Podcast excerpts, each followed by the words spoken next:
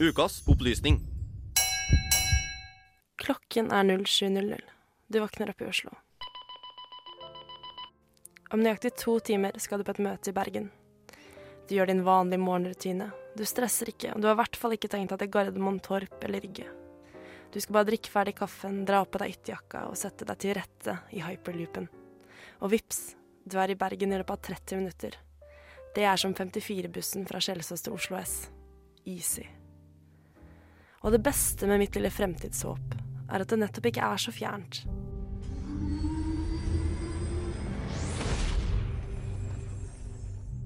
Elon Musk er litt av et menneske. Ikke bare har han funnet opp Teslaen, han har også skapt den revolusjonerende ideen om en hyperloop. I lufttette rør over bakken med hjelp av vakuum skal man i fremtiden kunne transportere kapsler i en hastighet fra 970 til 1200 km i timen. I dag jobbes det med prøvestrekningen mellom LA og San Francisco. En strekning på 560 km, som etter hvert skal sies å ta 35 minutter. Og det er faktisk lenger enn Oslo-Trondheim. Forrige uke ble det kjent at Dubai har skrevet under en kontrakt med Hyperloop One, hvor de ble enige om å utforske mulighetene for hyperloops i Dubai og generelt i Gulf-regionen. Når og hvor er litt usikkert, men det sies at mye skal skje i begynnelsen av 2017. Dette er revolusjonerende.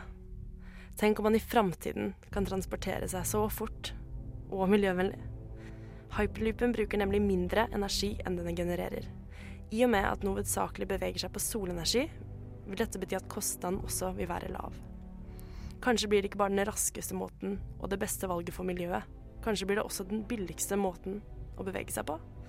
Jeg tror nemlig at dette kalles en vinn-vinn-situasjon.